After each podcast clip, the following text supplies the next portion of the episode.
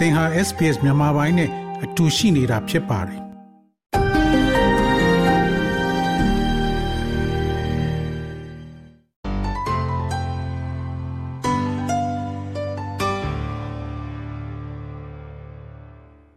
တော်ရရှိမြခင်ဗျာအတတ်ပညာကျွမ်းကျင်မှုရှိတဲ့ migrant တွေ Australia မှာပုံမလက်ခံနေပြီး tertiary qualification ကိုတတိယပညာအရေးချင်းနဲ့အောင်မြင်ထားသူများရောက်ရှိလာတာက 2000ခုနှစ်ထဲကစတင်လို့နှစ်ဆနီးပါးတိုးမြင့်လာနေတယ်လို့သိရှိရပါတယ်။ဒါပေမဲ့သူတို့ကျွမ်းကျင်တဲ့တပ်ပညာဆိုင်ရာနယ်ပယ်မှာ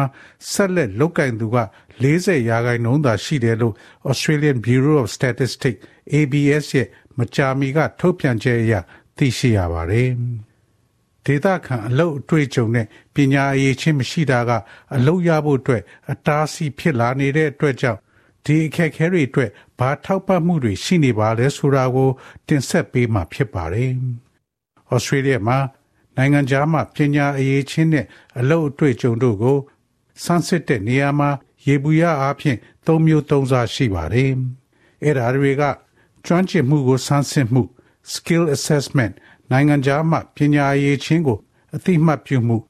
overseas qualification recognition နဲ့ကြိုတင်သင်ကြားမှုကိုအသိမှတ်ပြုခြင်း recognition of peer learning လို့ဖြစ်ပါတယ်။အဲ့ဒါတစ်ခုချင်းကို လေ့လာကြည့်အောင်ပါ။အတက်ပညာကျွမ်းကျင်မှုနဲ့လာတဲ့ migrant အများစု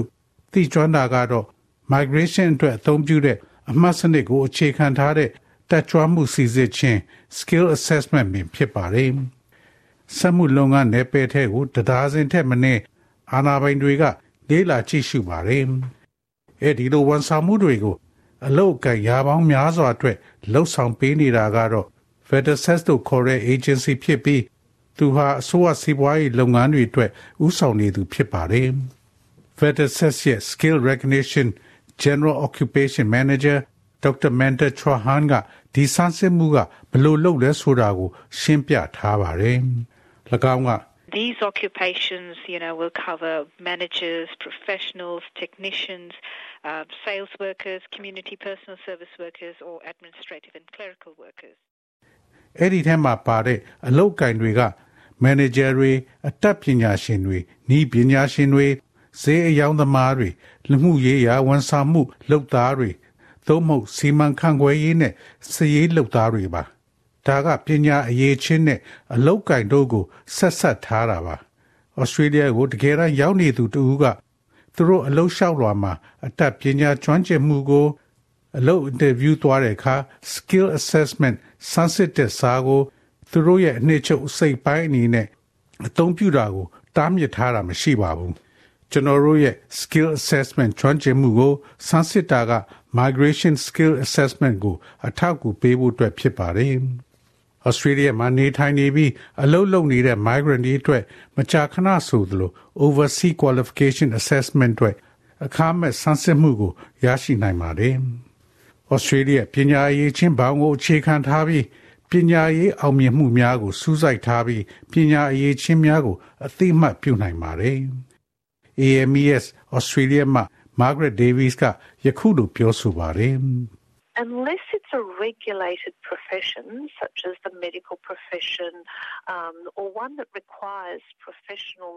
membership, and they come into that regulated professions. စီမင်းစည်းကမ်းနဲ့ထိန်းထားတဲ့အလောက်ကိုင်ဖြစ်တဲ့စေပညာနဲ့ပတ်သက်တဲ့အလောက်ကိုင်သို့မဟုတ်ကျွမ်းကျင်တပ်ပညာရှင်များအဖွဲ့ဝင်ဖို့လိုအပ်တာမျိုးကအဲ့ဒီစီမင်းနဲ့ထိန်းထားတဲ့အလောက်ကိုင်ထဲမှာပါဝင်ပါတယ်သူတို့ကတော့တကယ်တမ်းမှာတော့ assessment သို့မဟုတ်အဖွဲ့အစည်းရဲ့အဖွဲ့ဝင်ဖြစ်ဖို့အတွက်မလိုအပ်ပါဘူးသူမှရှင်းပြတာကတော့ qualification assessment က Australia မှာအတတ်ပညာဆိုင်ရာအလုပ်ကိုနှစ်အနည်းငယ်လုပ်ကိုင်ပြီးသူတို့ရထားတဲ့ degree ကိုအခြေခံပြီးသူတို့ကျွမ်းကျင်မှုကိုမြင့်တင်ဖို့ဆုံးဖြတ်တဲ့ migrant တွေအတွက်ကိုက်ညီတယ်လို့ဆိုပါတယ်။သူမက Even once they have gained employment in a field For example, many people who are overseas qualified accountants uh, may work uh, as an assistant accountant or accounts payable or within an accounting role. သူတို့အလုပ်ကိုင်မှာအတွေ့အကြုံရပြီးတဲ့အခါမှာဥပမာပြရရင်နိုင်ငံခြားကအကောင့်တင်ပညာအရေးချင်းနဲ့လူအတော်များများက လက်ထောက် accountant သို့မဟုတ် account ပေးချေသူ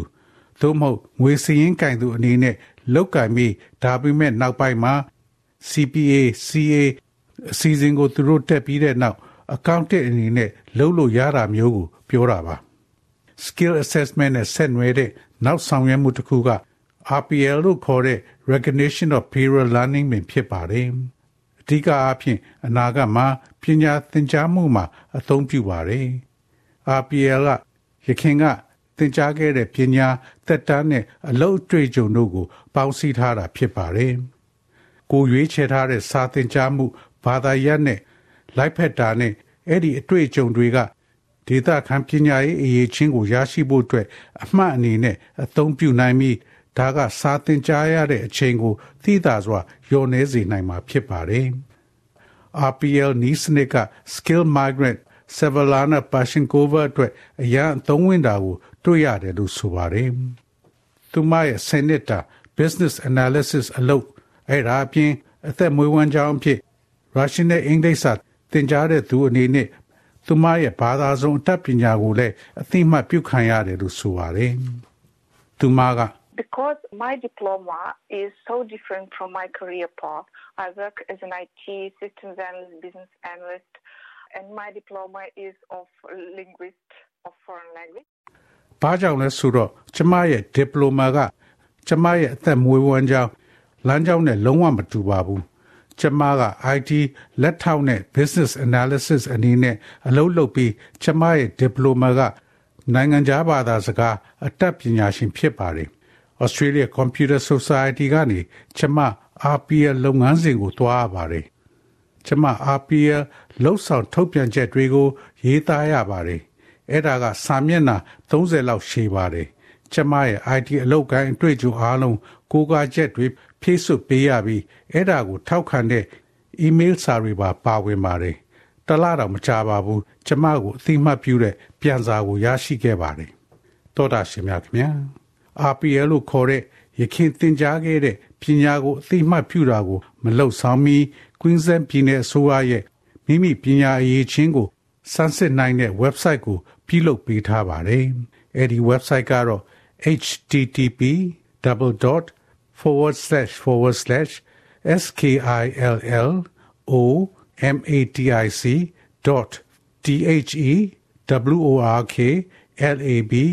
dot com dot au ဖြစ်ပါတယ်။ RPL အစီအစဉ်ကိုပညာရေးဌာနသို့မဟုတ်ပုဂ္ဂလိကလှုပ်ဆောင်ပေးသူများကကိုကဲပေးပါတယ်။အစိုးရရဲ့ Overseas Qualification Unit ကပညာရေးချင်းအကဲဖြတ်ပေးတာကိုလှုပ်ဆောင်ပေးပါတယ်။ တင်းနဲ့ကိုင်းညီမဲ့အာဏာပိုင်တွေကို ရှာဖွေဖို့ကတင်းရဲ့ပြည်နယ်ရှိ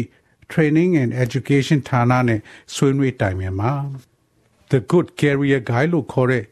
ထောက်ပံ့မှုအသစ်ပေးထားတဲ့ website မှာကျေပြန့်စွာဖော်ပြထားတာတွေကတော့ job description training pathway နဲ့အလုပ်ရနိုင်မဲ့အခွင့်အလမ်းတွေကိုဖော်ပြပေးထားပါတယ်။အဲ့ဒီ website ကတော့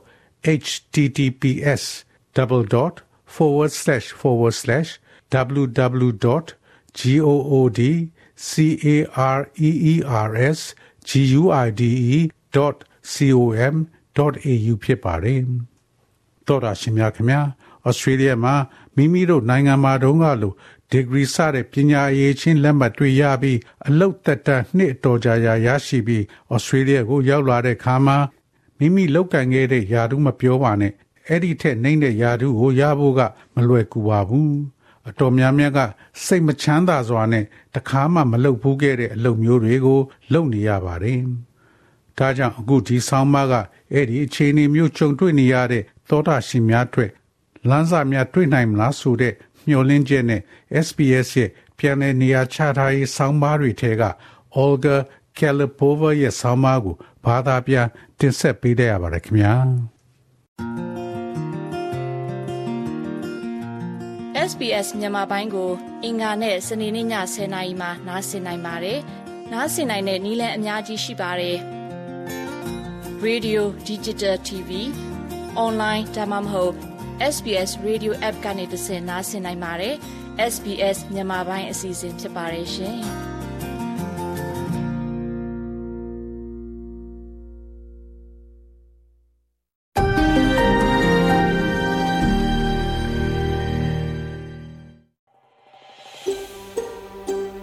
ဒါမျိုးသတင်းဆောင်မတွေကိုပိုနားဆင်လိုပါလား Apple Podcast Google Podcast Spotify တို့မှာသင်ပင်ရာဖြစ်ဖြစ်ရယူတဲ့ podcast ကနေပါ